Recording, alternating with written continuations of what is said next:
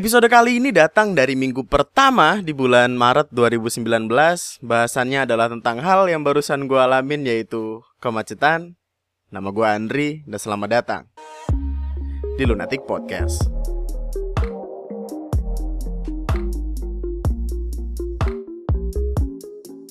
Hai selamat datang kembali di Lunatic Podcast Balik lagi sama gue Andri Dan gue bakal nemenin waktu lo selama beberapa menit ke depan uh, Bahasan kali ini adalah tentang kemacetan Kayak yang gue bilang di awal tadi Dan biar gue mulai semua ini dengan sedikit cerita. Jadi gue baru aja balik dari kantor Gue baru balik dari kerjaan. Ini jam setengah tujuh Jam-jam enam lewat.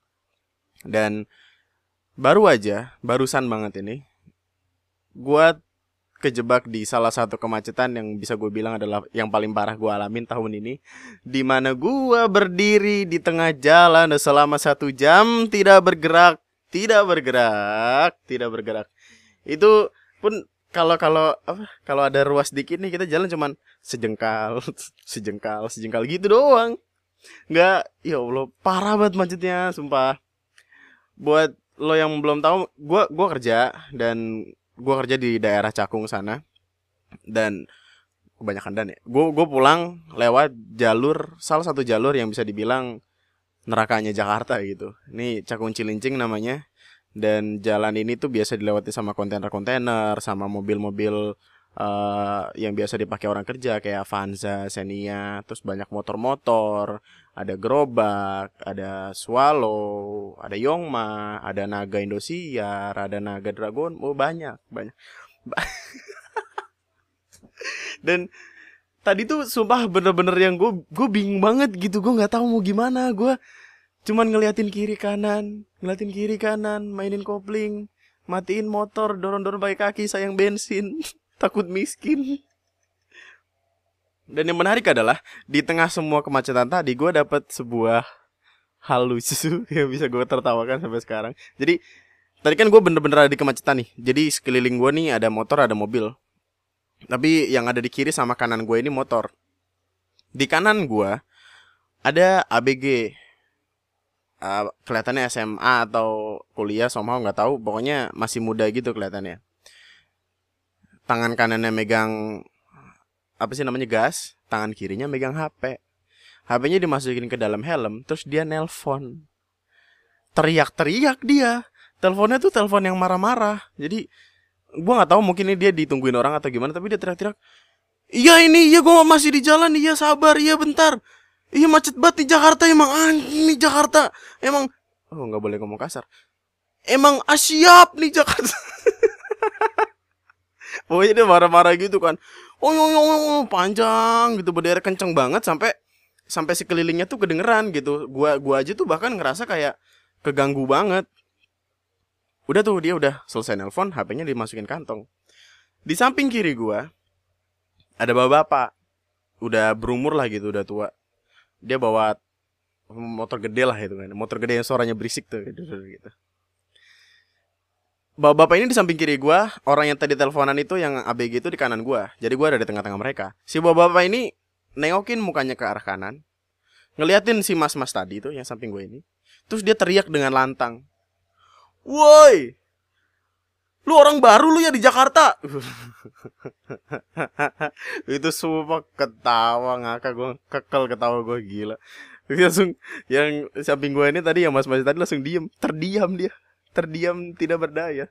Soalnya setelah si bapak-bapaknya ngomong yang lain juga pada nyaut, tahu nih, wow dasar orang baru kampung gitu-gitu. Dasar orang baru, orang baru gitu. Pas gue lihat emang uh, orangnya masih diplastikin. Iya. masih masih fresh, masih baru. Itu sih gitu deh. Gue gua habis ngalamin kejadian tadi, gue pulang ke rumah dan gue pengen tiba-tiba gue pengen ngebahas satu hal yang rasanya ya orang Indonesia rata-rata merasakan lah. Bahkan mungkin dijadiin sebuah rutinitas harian. Jadi kayak kalau nggak ngerasain hal ini langsung kayak wah ada ada dorongan dalam hati gitu ini ingin teriak-teriak gitu. Wah aku butuh macet. Wah berikan aku kemacetan. Gitu. Kayak kalau pagi nih misalkan pagi-pagi jam kerja gitu eh jam berangkat kerja dia naik motor lancar jalannya. Wah kenapa tidak macet? Tuh akhirnya dia jatuhin diri. Sus macet. Lah jadi gue ini udah sekian lama jadi salah satu sumber kemacetan di Indonesia. Gue udah lama jadi salah satu sumber kemacetan di Jakarta. Dan ya bisa dibilang gue udah dari level apa ya semi pro lah dalam hal permacetan ini semi pro lah udah. Udah sekian tahun gila udah udah apal banget. Gue busuk-busuknya orang di jalanan tuh. Ada yang marah-marah mulu ada yang buru-buru pengen nge- pengen gue nggak tahu dia pengen berak apa gimana gitu saking buru-burunya tuh kalau kalau nggak nyampe rumah atau nggak nyampe kantor cepet-cepet dia hilang palanya nggak ngerti gue ngebut-ngebutan segala macem. Kayak atau orang-orang yang di jalan tuh di tengah macet ngobrol. Jadi bener-bener stuck macetnya merah gitu. Kayak kalau dilihat di Google Maps merah gitu. Dia ngobrol di jalan gitu sama orang yang nggak tahu dia kenal apa enggak kayak kayak orang nggak kenal gitu. Woi coy wah apa coy? Wah kita macet nih ngobrol yuk. Ayo gitu. Sengaja. Busuk banget lah. Kemacetannya apalagi kalau lu tinggal di Jakarta kan. Terus di Jakarta ini sumber kemacetan paling utama di Indonesia ya, banyak di luar di, di luar sana kota-kota yang macet juga kayak Denpasar atau Ba- Bekasi. Gue tinggal di Bekasi sih padahal tapi gue kerjanya di Jakarta jadi gue merasakan macetnya di Jakarta.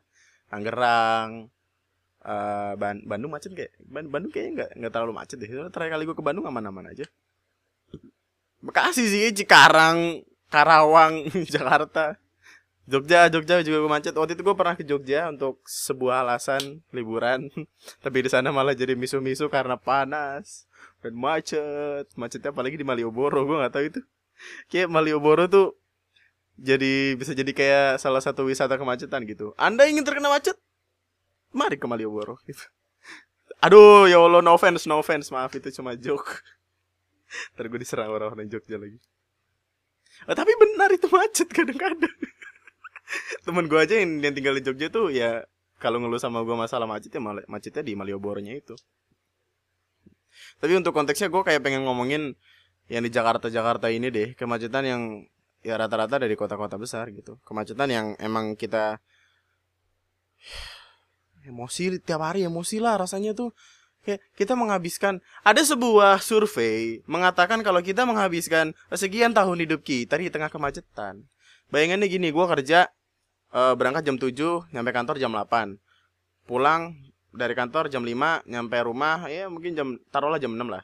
2 jam nih, 2 jam setiap hari. Itu seumur hidup gua gua ngabisin waktu berapa bulan, berapa tahun di kemacetan itu. Kalau dihitungin belum lagi kalau gue pergi-pergi ya ke mana. Gue ke Bandung nih dari Bekasi ke Bandung 9 jam. Ya Allah, panas, macet. Ya emang hari Sabtu sih cuman Cuma kan itu macet namanya Jadi lama gitu Gue ngabisin waktu di jalan Terus mungkin lu bertanya-tanya nih sebenarnya apa sih gitu Sumber utama dari kemacetan-kemacetan ini Mungkin kalau lu nanya gua Dari seorang awam Bukan seorang peneliti kalau ya kan kalau lu mau apa nyari bener-bener datanya kan lu bisa survei cari di Google bangsat. Kalau kalau di sini tuh lu nggak dapat nggak dapat hal yang benar-benar ber- berguna tapi tidak ah gitu. Gue merendahkan podcast gue sendiri. Satu alasan kenapa Jakarta macet ini adalah karena eh Jakarta dan beberapa kota lainnya macet adalah karena banyaknya kendaraan. Banyak banget kendaraan di Indonesia. Kendaraan itu adanya di kota-kota besar dan over capacity gitu. Menurut data statistik di tahun 2018 lalu ada 111 juta kendaraan di Indonesia. Dan dari 111 juta itu ada 70 juta di Pulau Jawa. Dari salah satu eh, video yang gue tonton di YouTube eh, dari dari kok bisa ada 12 sampai 13% pertumbuhan kendaraan per tahun di Jakarta. Sedangkan ruas jalannya itu cuma 0,01 persen. 12 sampai 13 persen kendaraan nambah nih.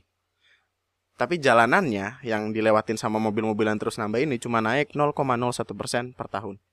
Lalu, bagaimana mungkin jalanan Jakarta dengan pertumbuhan kendaraan sebanyak itu dengan jalanan sedikit itu nggak macet? Nggak mungkin. Nggak nggak nggak mungkin. Macetnya tuh di Jakarta ya Allah pusing pak sampai nggak mungkin gitu loh. Dan ini tuh pertambahan kendaraan ini tuh nggak nggak main-main gitu angkanya. Mungkin solusi sama kendaraan ini tuh menurut gue kayak jangan jangan kasih kredit eh coba kita fair-fairan aja deh kita fair-fairan aja. Coba lo duduk di pinggir jalan nih. Uh, lu liatin mobil-mobil.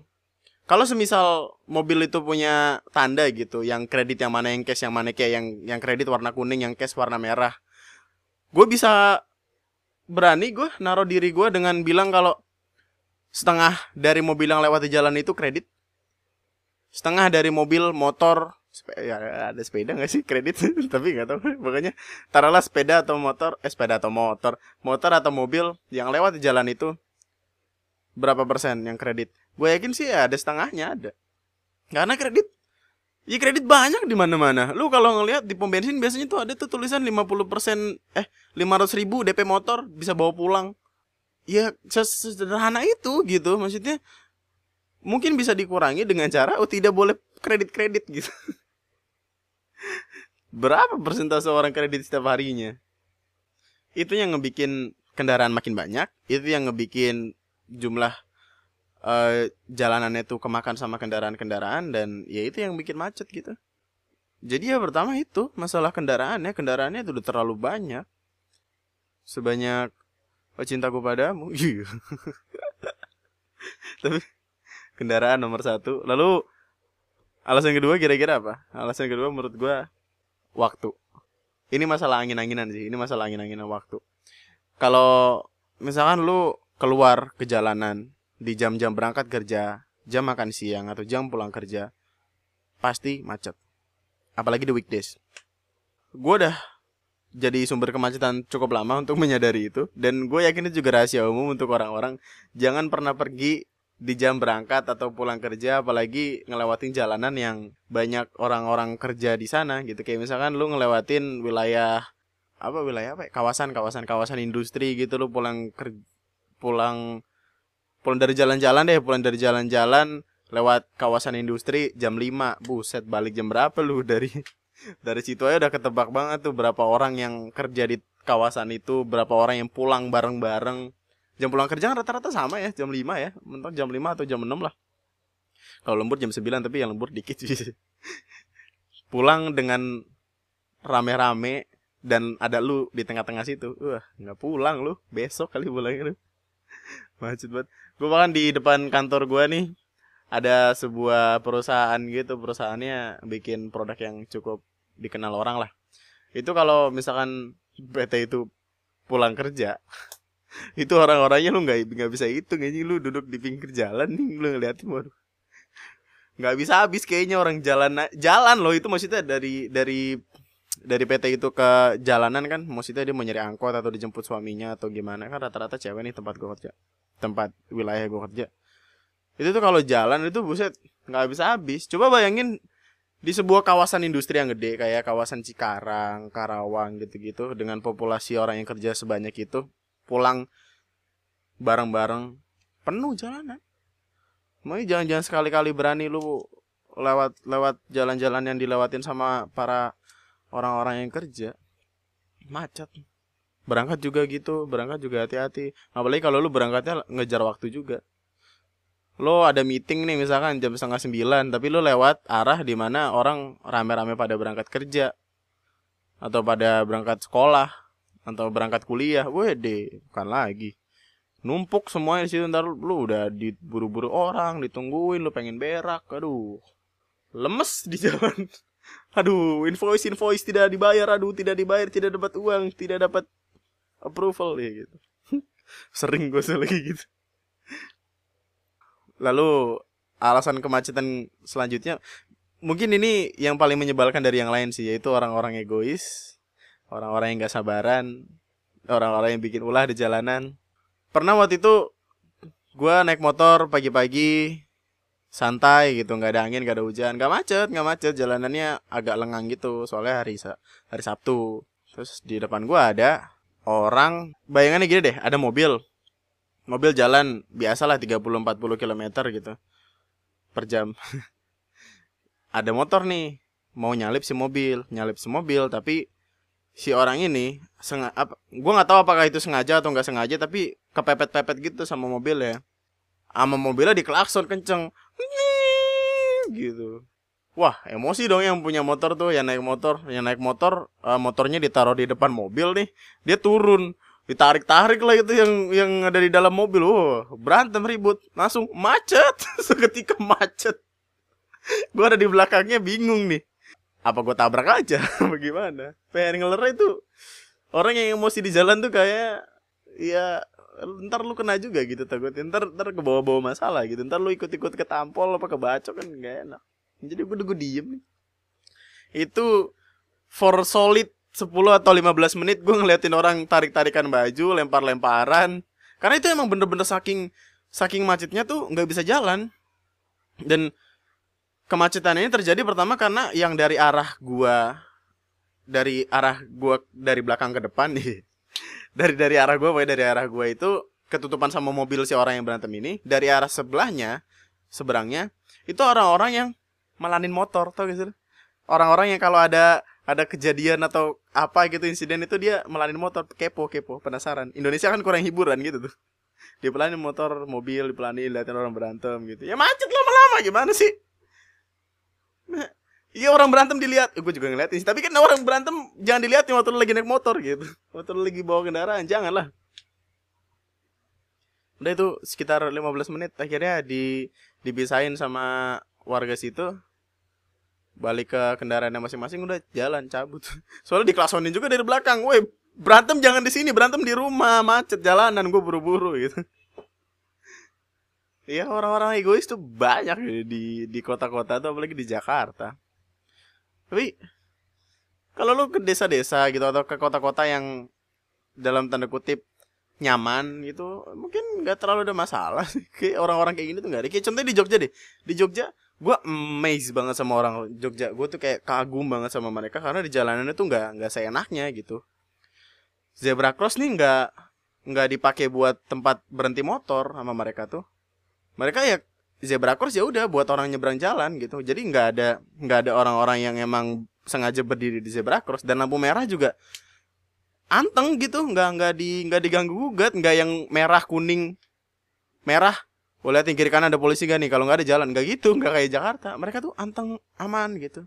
Klakson aja weh nih mohon maaf nih. Kita di Indonesia ini punya aturan baru bernama suara lampu lalu lintas. Kalau lu di Jakarta, terus ada lu berhenti di lampu merah, yang ngasih tahu lu lampu udah hijau, biasanya bukan warna lampu lalu lintas, eh, melainkan eh, klakson-klakson orang bangsat di belakang lu. Ini lampu nih, biasanya merah, kuning. Nah, di kuning ini nih yang tandanya suruh hati-hati, itu orang udah pada tet tet tet, woi, woi, jalan, woi gitu. Woi, jalan. Jadi ada sebuah teknologi baru bernama suara lampu lalu lintas di Jakarta ini. Tapi di Jogja tuh nggak ada. Di Jogja nggak ada tuh. Ya walaupun pernah ada.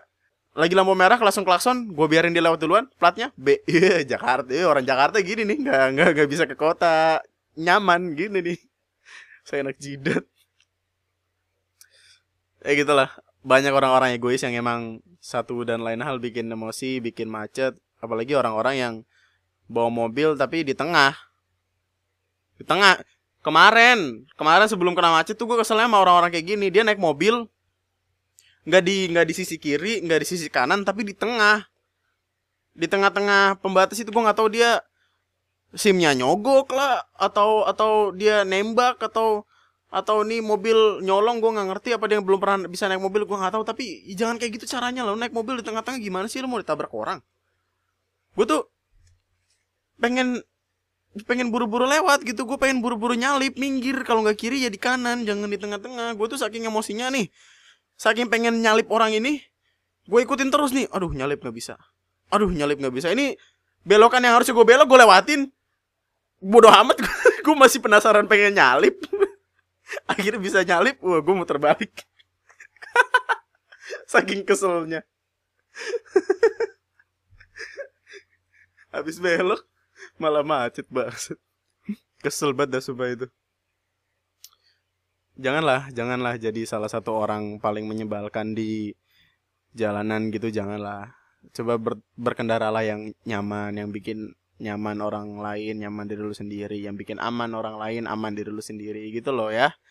Ini pesan nih dari dari bapak Andre kayak bapak apa omongan gue lalu alasan kemacetan lainnya adalah tempat kita fair-fairan ya.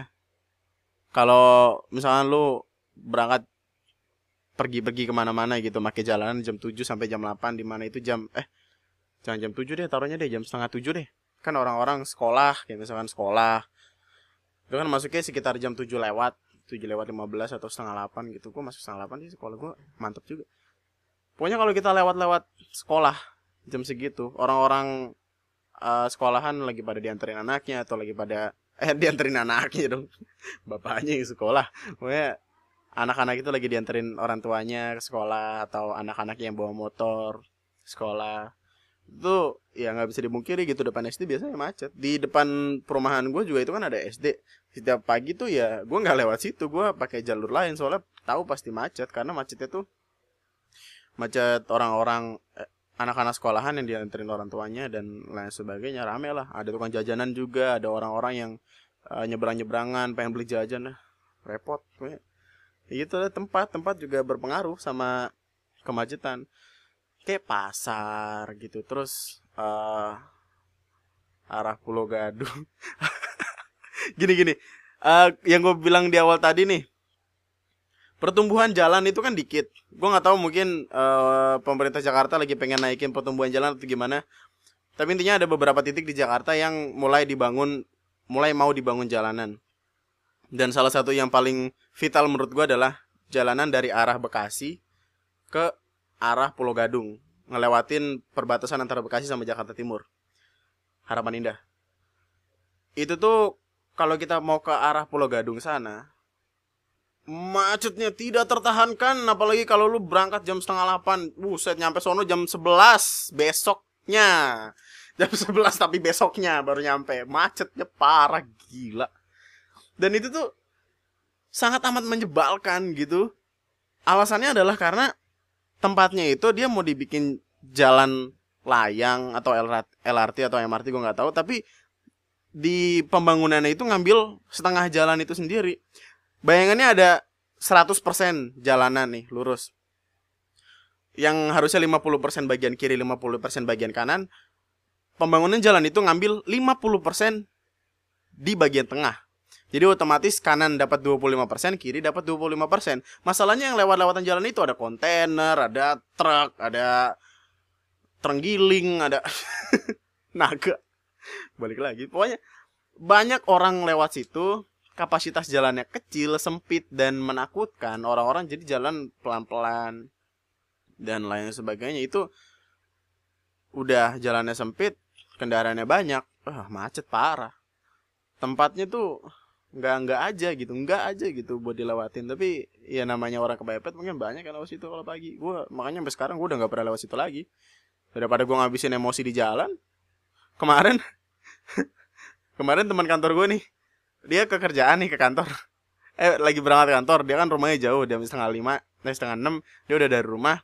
Biasanya masuk kantor kan jam 8 dia dari setengah enam uh, jam enam lewat dikit ke sekitaran situ sekitaran Pulau Gadung. Gue nggak tahu itu lagi ada apa. Intinya banjir terus ada kemacetan tapi gue nggak tahu itu selain banjir dan kemacetan itu apalagi triggernya gitu. Soalnya biasanya walaupun banjir gak semacet itu tapi kemarin macet banget dan ya teman kantor gue ini balik jadi nggak kerja. Katanya emosi tiga jam di jalan. Gue lagi jam sembilan. Lo gue kagak nyampe nyampe ini orang gue gue chat lama di jalan macet pulang gue emosi di jalan daripada daripada menghabiskan emosi di jalan terus di kantor kerjaan malah jadi semperawutan gara-gara kita nambah emosi mending pulang gitu. Ya masalah tempat lah tempat lah. Hindari tempat-tempat yang emang macet tempat-tempat yang emang dasarnya macet. Kayak sekali-kalinya ke Tanah Abang tuh waktu itu gue nyerah anjir gila. Udah panas macet atau ke ke mana ya? Stasiun Senen tau gak sih lo stasiun Senen. Gue pernah punya cerita menarik sama stasiun Senen gila. Gue nih adalah orang yang benci panas, uh, benci keramaian, benci kemacetan of course.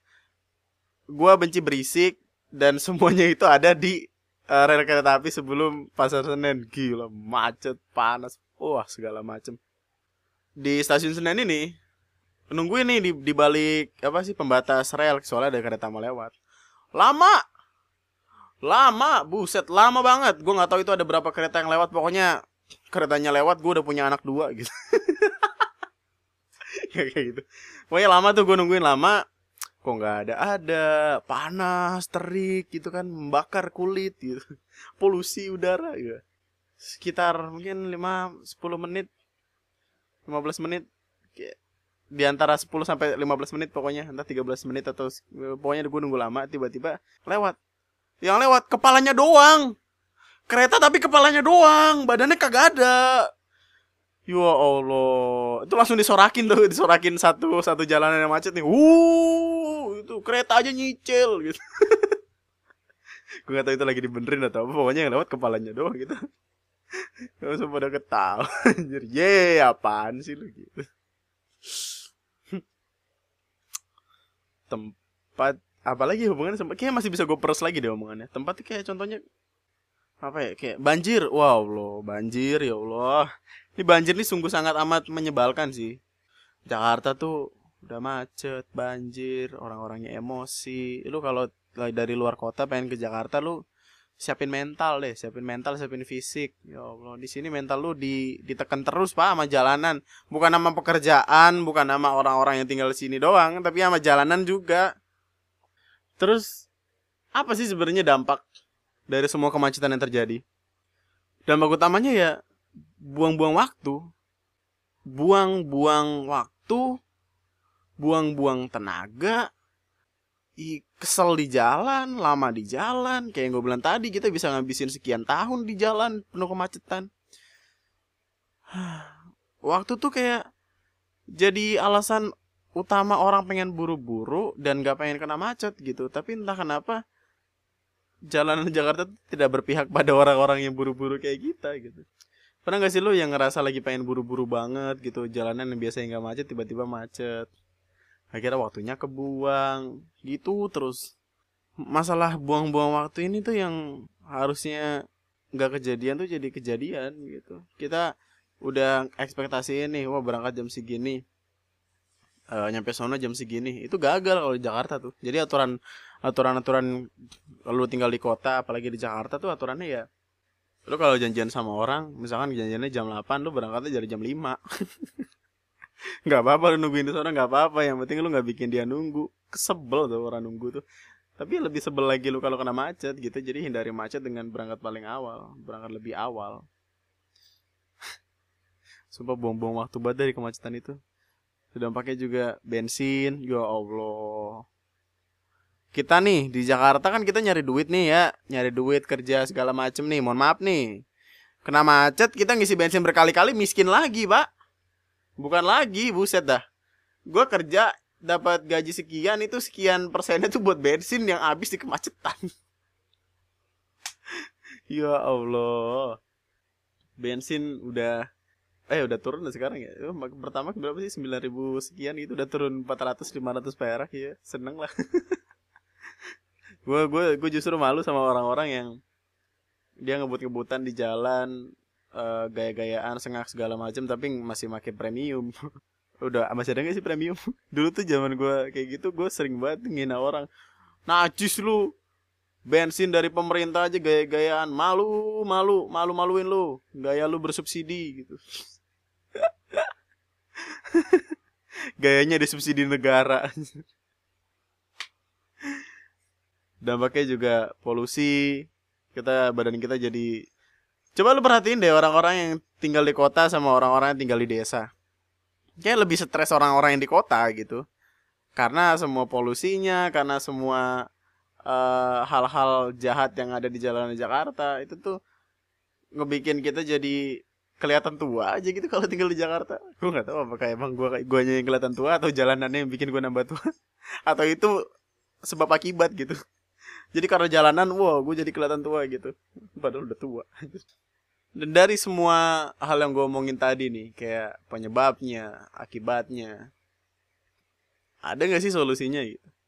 Gue nggak pengen gue tuh niatnya kalau ngomongin sesuatu tuh nggak pengen narik narik masalah terus diomongin doang gitu. Gue kayak cuma pengen eh gue juga pengen uh, seenggaknya ngasih saran atau opini gue supaya bisa disebut solusi lah solusi gitu solusi untuk masalah-masalah itu. Gue nggak tahu nih bakal didengerin sama siapa aja tapi menurut gue ya solusinya ada beberapa hal. Kayak contohnya pelebaran jalan gitu. Itu pelebaran jalan tuh fix harus banget sih. Tapi masalahnya adalah kayak yang kasus Pulau Gadung tadi tuh arah jalanan arah Pulau Gadung harus ada yang dikorbankan gitu demi hal-hal kayak gini. Jadi ya sebelum sebelum adanya jalan baru itu ya jalan yang lama harus macet dulu, harus di, dikorbankan dulu gitu. Itu kayak tumbal tumbal dulu gitu. Dan gimana ya? Kita mau nyelesain masalah tapi harus ada masalah baru dulu gitu. Mau ngasih solusi tapi bikin masalah dari solusi itu gimana ya caranya pelebaran jalan tuh susah sih kalau di kota-kota kayak bangsanya Jakarta ini bangunan di mana-mana dan gue tuh ju jujur sedih gitu kalau ngeliatin ada sawah-sawah dibongkar buat jalanan gitu. Kayak dekat rumah gue nih kan habis dibangun perumahan tuh dulu waktu perumahan itu belum ada terus dijadiin jalan. Itu tuh sawah hijau luas enak ngeliatinnya. Adem juga kalau siang gue nongkrong di situ sama anak-anak. Tapi sekarang udah jadi bangunan semua sedih tau. Dan berisik gitu jalanan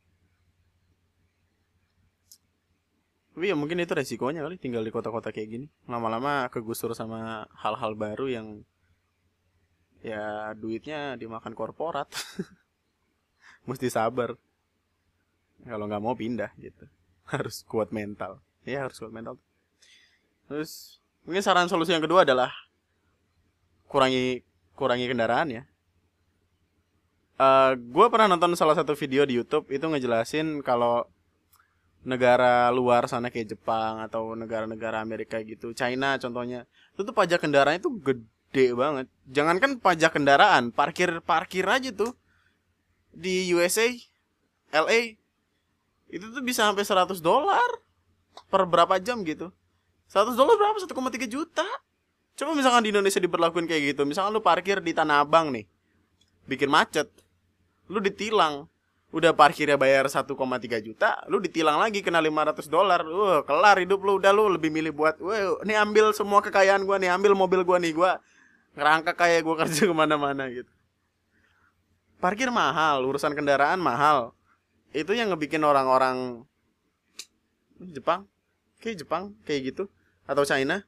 China tuh orang-orang rata-rata pakai kendaraan umum karena mahal ngurusin kendaraan pribadi tuh ya mungkin itu kalau diperlakuin di Indonesia bisa kayaknya. Nggak tahu deh. Tapi orang-orang pasti pada marah-marah gitu pada nyalain pemerintah pemerintah apa nih kayak gini? Pasti ini salahnya. Gitu. pasti gitu. Ya padahal demi kebaikan rakyat itu sendiri cuma satu dan lain hal itu mungkin nggak memperbolehkan. Tapi menurut gua ya naikin pajak gitu. Naikin pajak satu satu mobil. Kan sekarang rata-rata mobil pajak berapa sih? Kayak Daihatsu, Xenia, Avanza gitu kan tiga empat juta lah ya setahun naikin gitu jadi 300 juta gitu. Orang-orang nggak ada yang mau punya mobil tuh. Ah mobilnya cuma berapa ratus juta pajaknya lebih gede. Itu kayak di Jepang di Cina gitu. Pengen lihat gue tuh reaksi orang-orang lagi beli mobil. Oh, tada aku punya mobil baru. Setahun kemudian wah apa nih?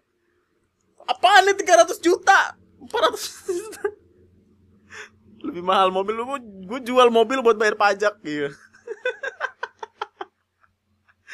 Aduh gila. Pengen lihat gue tuh. Kurangi kurangi itulah. Kurangi kredit. Jangan kasih kredit orang gampang-gampang. Meskipun gue juga kredit motor.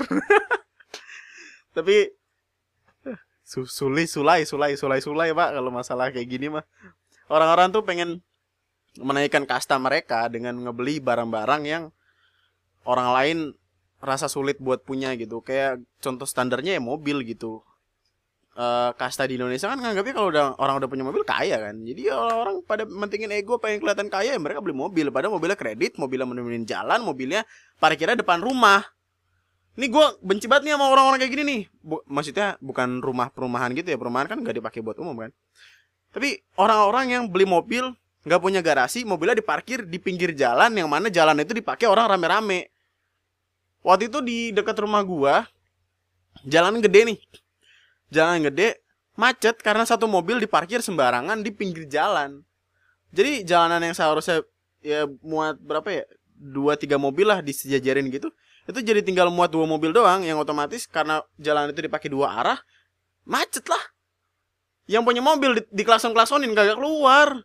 Di ketok-ketok pintu rumahnya lagi tidur. Ya Allah, ini pen korek-korek bakar.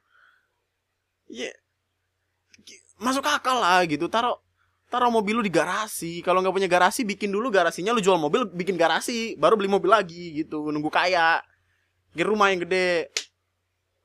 Kesel dah. Emosi.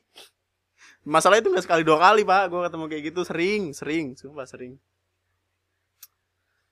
Solusi lain mungkin uh, apa ya kebijakan-kebijakan baru gitu. Kayak contohnya uh, ganjil genap tuh ganjil genap sukses banget di Jakarta tuh. Uh, apa CEO gue aja nih mau meeting karena itu lewat Jakarta dan plat mobilnya itu nggak sesuai sama hari uh, ganjil genap waktu itu naik taksi loh beliau. Naik taksi. Jadi karena emang takut takut sama aturan ya dendanya gede kan itu. Berapa sih? 500 satu juta nggak tahu. Pokoknya itu berhasil gitu di Jakarta jalan di beberapa jalan. Atau train one. Ini gue suka nih train one nih. Train Three in one adalah sebuah solusi mengurangi kemacetan plus menambah uh, lahan pekerjaan baru. Jadi one selain ngurangin macet bisa bikin orang-orang kerja tuh three in one. Joki three in one tuh gitu loh. Buat Anda yang belum ngerti joki one itu apa saya jelaskan nih. Ada sebuah wilayah di Jakarta yang mengharuskan kita untuk uh, naik satu mobil tiga orang. Jadi kalau misalkan lu uh, sendiri bawa mobil lewat jalan itu lo mesti nyewa joki supaya lo nggak ditilang. Jadi jokinya lo ambil dua orang masukin ke mobil jadi tiga orang bakal lewatin jalan itu dan aman nggak ditilang karena dicengin polisi. Tapi biasanya ya jokinya itu dapat duit. Iya. Masa lu mau gue naik doang kasih gue duit dong. Paling berapa goceng ceban gue nggak tahu gue nggak pernah ngelakuin kayak gitu. Takut gue gue nggak berani ngajak siapa pun orang masuk ke dalam uh, mobil cuma buat ngelewatin three takut gue soalnya gue nggak punya mobil dia mobil siapa yang pengen gue masukin? Ya Allah. Itu bagus sih solusi bagus tuh. Gak apa-apa orang-orang biar kerja gitu. Terus solusi terakhirnya mungkin ya paling sederhana transportasi umum. Alasan kenapa banyak orang lebih milih buat pakai kendaraan pribadi adalah karena mereka rasa kendaraan pribadi itu lebih gampang dan lebih keren dipakainya daripada kendaraan umum orang-orang yang pakai kendaraan umum di Indonesia. Gue nggak tahu ini stratanya udah mulai bener gitu udah mulai rata. Uh, kastanya tuh udah nggak main kasta-kastaan. Tapi ya mungkin ada beberapa titik yang perlu dibenahi gitu. Kayak ada beberapa orang di Indonesia yang beranggapan kalau ya masa lu ke sini naik angkot najis? Cih. ya masa lu ke sini naik metro mini najis? Cih. Iya iya cih. Lagi bersin aja gitu lagi bersin. Emang lagi bersin aja nggak hina gitu anggapannya nggak keren lah gitu naik kendaraan umum. Dan itulah kenapa orang-orang jadi malas naik kendaraan umum mereka lebih milih naik kendaraan pribadi. Ini kan pemerintah Jakarta ini lagi lagi lagi getol lah gitu ngebikin jalanan kayak uh, eh bukan jalanan kendaraan umum. Kayak busway dibanyakin MRT lagi dibikin LRT juga lagi dibikin. Terus ada ada kereta yang katanya langsung ngarah ke bandara ya. Itu gue nonton di vlognya Fatih Izati tuh. Bagus keren. Ya mulai mulai banyak lah gitu. Gue pengennya tuh kayak di Jepang aja. Di Jepang kan uh, wilayah-wilayahnya dekat sama rel kereta ya. Jadi orang tuh nggak nggak ribet gitu buat nyari stasiunnya. Stasiun mana aja tuh ada gitu kayaknya. Gue nggak tahu sih gue belum pernah pergi ke Jepang. Ada yang mau ada yang mau endorse gak ke Jepang ke Jepang. Tapi ya di Jepang tuh banyak kendaraan-kendaraan dan eh banyak banyak transportasi umum contohnya kereta yang gampang ditemuin gitu. Dan ya mereka nggak nggak pilih-pilih. Bahkan waktu itu gue baca berita ada sebuah wilayah dengan uh, kereta. Tapi kereta ini cuma ngangkut satu penumpang yaitu penumpang siswi uh, siswa atau sisa ya pokoknya pokoknya pelajar. Cuma diisi satu orang pelajar. Kereta ini nganterin dari dari tempat dia tinggal ke sekolahan cuma buat dia doang. Dan itu seserius itulah orang-orang di Jepang gitu. Hebat. Tapi ya gue pengen Indonesia nggak kalah hebat gitu. Gue pengen di depan rumah gue ada kereta jangan dong serem. Nggak jadi lah pokoknya stasiun deh stasiun. Jangan juga berisik. Ya pokoknya deket rel kereta deh. Rel kereta gampang ditemuin gak jauh-jauh banget gue aja nih dari tempat gue berdiri sekarang ke stasiun kereta terdekat itu 45 menit dari tempat gua ke depan angkot lumayan jauh. angkot mungkin dari angkot gue bisa naik ke busway ke Harapan Indah. Oh jauh juga. Jadi transportasi umum udah banyak tapi nggak nggak sebanyak itu di kota-kota ujung kayak gue ini.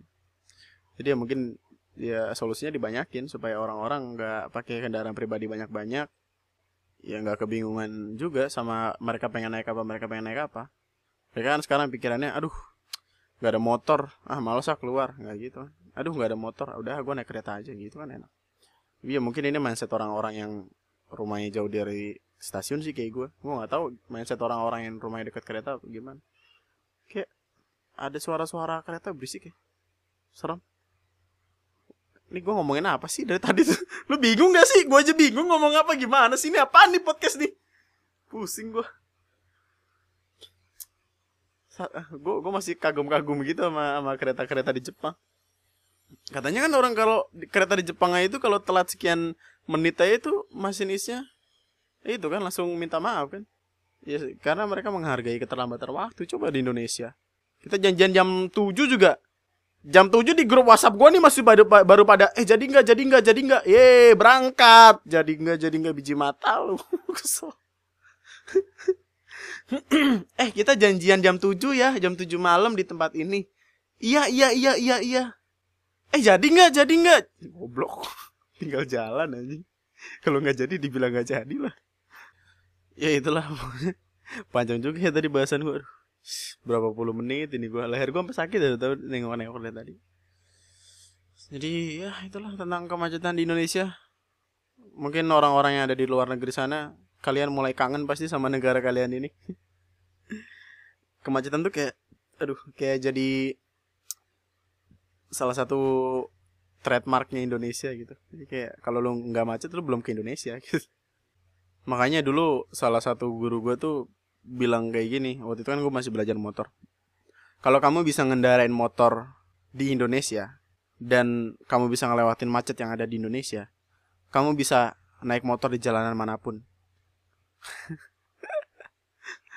Jadi gue jadi gue belajar motor latihan untuk mengendarai motor gue lewat jalan-jalan macet. Kayak bangsa Bogor tuh udah naik turun macet tuh udah. Jadi kalau gue bisa keluar dari kemacetan itu gue bisa mengendarai motor kendaraan di mana saja di dunia ini. Di Antartika ntar gue ngebut aja. Wah gue jago gue pernah macet iya. Aduh. Mari kita jawab-jawabin pertanyaan. Bahasannya udah itu aja ya. Mungkin kalau lu pengen uh, diskusi lagi sama gue, lu bisa lain gue di ID-nya Andri X underscore X atau IG gue di Lunatic Twister. DM aja. Apa? Atau kasih tahu juga gue pengen ngomongin apa ke depannya. Gue lagi nyari-nyari konten, nyari konten. Ini ada salah satu pertanyaan dari comment section gue di line dari Pasya R Dulu macet katanya cuma di Jakarta doang, terus sekarang kenapa di mana-mana? Tapi bilangnya negara kita ada kemajuan. Ya itu kan kemajuan. Dulu kan kemacetannya hanya di satu tempat, oh sekarang di mana-mana. Itu kemajuan. Anda gimana? Itu adalah sebuah kemajuan. Jadi, wah, kok tempat ini doang yang macet? Tempat yang lain juga dong. Wah, tempat yang lain juga macet. Itu kemajuan namanya. Aduh anda ini gimana sih? Itu tuh sebuah kemajuan. Akhirnya Indonesia macetnya merata gitu loh. Ah, mana sih? Gimana sih? Pemerintah. Kok jadi pemerintah sih? Enggak, enggak jadi. Aduh, pemerintah hebat. Dari teh tarik. Kalau macet tuh ngaruh gak sih sama ngirim rindu lewat doa? Oke, okay, oke okay, next. Uh, Kanri hati gak bisa dipakein jalan tol biar gak macet. Hmm, oke okay, next. ini apa sih pada nanya apaan sih? Dan ini satu pertanyaan nih terakhir nih. Pendapat Bang Andri soal orang-orang yang stres karena macet dan ngelampiasinnya dengan mencetin klakson banyak-banyak itu gimana? Goblok! Aisyah goblok! Bangsat. Ini kan Indonesia ada sebuah teknologi baru bernama suara lampu lalu lintas. Jadi kalau lampu udah hijau kita tahu itu dari suara klakson. Tapi ya nggak di tengah kemacetan juga anda klakson-klakson bapak. Mohon maaf nih, gua Ih, gimana sih ya? Ini kembali lagi ke masing-masing pribadi sih, kemba- kembali lagi ke masing-masing individu. Gue tuh nggak nggak nggak tuh yang di tengah lampu lampu eh lampu di tengah kemacetan mencet-mencetin klakson karena kesel. Goblok gitu orang-orang kayak gitu tuh goblok. Aisyah goblok. Orang emang yang kesel dia doang, yang kesel rame-rame, cuk. Masa mau ki asu. Itu orang-orang kayak gitu patut di patut dihilangkan dari muka bumi ini supaya orang-orang di dunia lain tuh nggak stres. Supaya orang-orang di dunia yang lain tuh apa sih ya gimana? Supaya orang-orang lainnya di dunia ini tuh nggak nambah stres. Udah stres sama jalan Jakarta distresin lagi sama orang kelason-kelason tati-tatit. Sumpah waktu itu pernah ada orang berantem cuma gara-gara kelason-kelasonan doang. Waktu itu di tengah kemacetan nih. eh jadi gimana ya bayanginnya? Gue pengen gue pengen lu tutup mata bayangin deh. Di depan gua ada mobil. Di samping kanan gua ada ibu-ibu. Di depannya ibu-ibu ini, maksudnya ibu-ibu ini bisa nyalip, harusnya bisa nyalip karena kosong. Di belakang ibu-ibu ini ada bapak-bapak. Bapak-bapaknya itu motornya agak ke apa ya nyerong kiri dari si ibu-ibu ini. Jadi otomatis bapak-bapaknya nggak bisa lewat kalau ibu-ibunya nggak maju. Ibu-ibunya diklaksonin sama bapak-bapak di belakang. Gue ini maju woi gitu. Ibu-ibunya murka. Ibu-ibunya langsung balik badan. Eh balik badan. Apa balik leher apa sih namanya? Balik leher kok balik leher? Eh nengok nengok nengok. Balik leher lagi nengok ke belakang wah 360 derajat yo. Nggak nengok ke belakang. Teriak-teriak. Buta lo ya. Waduh. Langsung langsung aja terus lo sampai budek udah. Itu menimbulkan perpecahan di Indonesia. Lu pikir perpecahan cuma terjadi karena eh, pe- calon presiden presidenan baru? Oh tidak. Tidak juga ada masalah klakson bisa memper mempecah belah umat. Selak. Ya itulah. Itulah akhir dari podcast kali ini. Sampai jumpa di podcast gue selanjutnya. Nama gue Andri. Sekian dan Aisyah goblok asu cok